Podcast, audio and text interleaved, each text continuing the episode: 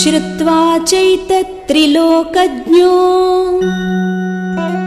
वाल्मीकिर्नारदो वचः श्रूयतामिति चामन्त्र्य।